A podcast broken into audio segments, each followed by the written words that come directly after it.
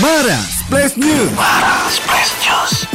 Setelah 19 tahun menanti akhirnya Indonesia kembali meraih gelar juara Thomas Cup. Indonesia juara Thomas Cup 2020 usai kalahkan China 3-0 dalam pertandingan final Thomas Cup 2020 di Ceres Arena Denmark kemarin. Sehingga kini memiliki 14 gelar Thomas Cup. Selanjutnya menjelang rilis angka pertumbuhan kuartalan ekonomi China yang akan disampaikan hari ini, sebagian besar bank investasi besar global telah memangkas prediksi PDB atau produk domestik bruto mereka atas China untuk tahun ini. Bank-bank ini bahkan memperingatkan bahwa terjadi terjadinya pemadaman listrik yang tiba-tiba dan kemerosotan pasar properti di Tiongkok dapat menurunkan pertumbuhan ekonomi. Selanjutnya Jennifer Catherine Gates resmi menikah dengan atlet berkuda asal Mesir yaitu Nail Nasser. Putri sulung dari miliarder Bill Gates ini menikah secara islami. Meski pernikahannya terlihat sederhana, rupanya ini menelan biaya yang cukup fantastis. Disebut-sebut menelan biaya hingga 2 juta US dollar atau sekitar 28 miliar rupiah.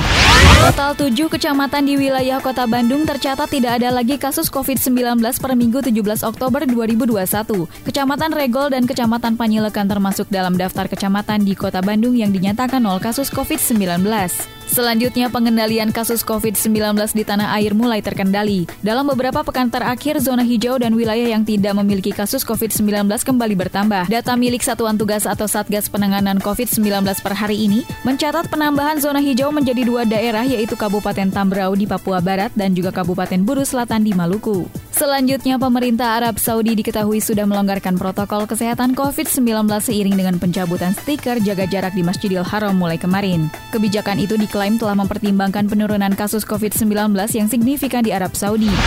Gubernur Jawa Barat Ridwan Kamil melarang kegiatan susur sungai untuk sementara waktu hingga ada standar operasional prosedur atau SOP yang komprehensif. Ia meminta BPBD Jabar untuk menyusun SOP mengenai kegiatan alam dengan mengutamakan keselamatan dan keamanan. Selanjutnya tim bulu tangkis Indonesia tidak bisa mengibarkan bendera merah putih dalam podium penyerahan medali Piala Thomas 2020 di Aarhus, Denmark Ahad malam 17 Oktober 2021. Sanksi dari Badan Anti Doping Dunia atau WADA menjadi penyebabnya. Selanjutnya kabar datang dari dunia hiburan. Penyanyi Adele akhirnya merilis Easy On Me. Lagu tersebut akan menjadi awalan pembuka untuk album keempatnya yang akan ia rilis November ini. Kini video klip lagu Easy On Me berhasil tembus lebih dari 40 juta view dalam waktu 24 jam. Dilansir channel YouTube Adele, video klip Easy On Me ini sudah ditonton 40 juta dari para penggemar dari berbagai belahan dunia.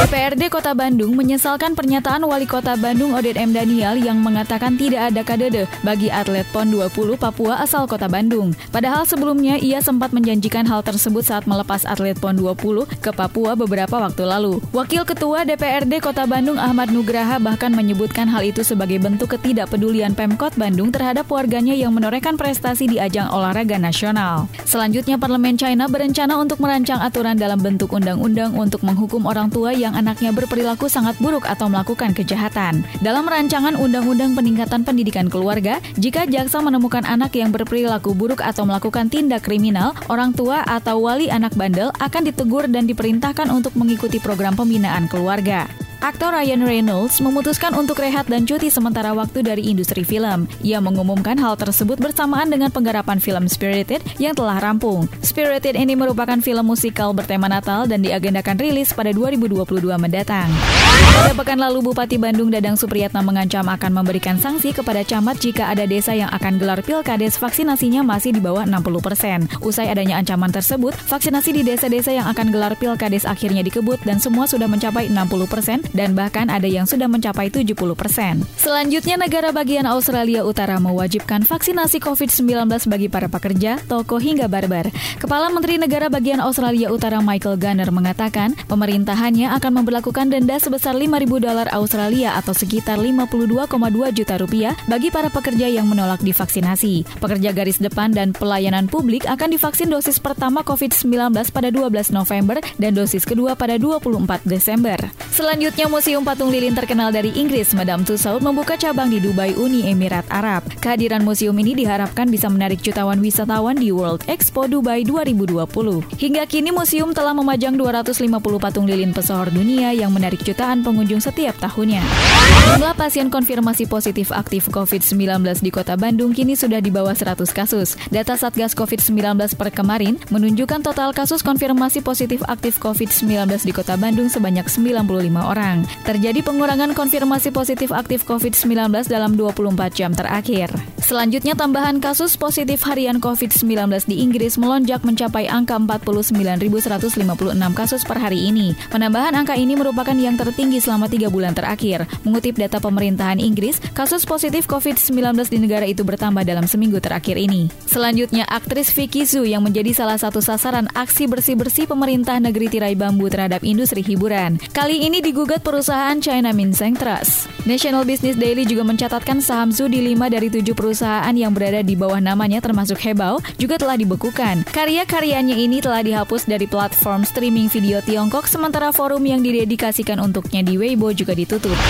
Berdasarkan data terbaru dari Instruksi Mendagri nomor 53 tahun 2021 tentang pemberlakuan pembatasan kegiatan masyarakat atau PPKM, kini daerah aglomerasi Bandung Raya sudah masuk PPKM level 2. PPKM Jawa Bali periode terbaru berlaku hingga 1 November 2021. Perubahan aturan kali ini tempat bermain anak di pusat perbelanjaan atau mall diperbolehkan untuk dibuka. Tak hanya itu, untuk anak-anak diperkenankan masuk bioskop di kota dengan syarat pihak mall mencatat nomor telepon orang tua untuk kebutuhan tracing mobilitas masyarakat. Selanjutnya, China kembali melaporkan kasus flu burung H5N6 yang menginfeksi manusia. Seorang wanita berusia 60 tahun dari Changdi Provinsi Hunan dites positif kemarin. Hal ini diumumkan Departemen Kesehatan Hong Kong, dikatakan wanita itu adalah seorang petani yang pernah terpapar unggas mati. Selanjutnya, kabar datang dari dunia hiburan. Eric Nam akan menggelar tur konser mulai Januari 2022. Tur bernama There and Back Again World Tour 2022 ini diadakan di dua benua yaitu Amerika dan Eropa. Tur ini sekaligus untuk mempromosikan album berbahasa Inggrisnya yang bertajuk There and Back Again yang akan dirilis awal tahun 2022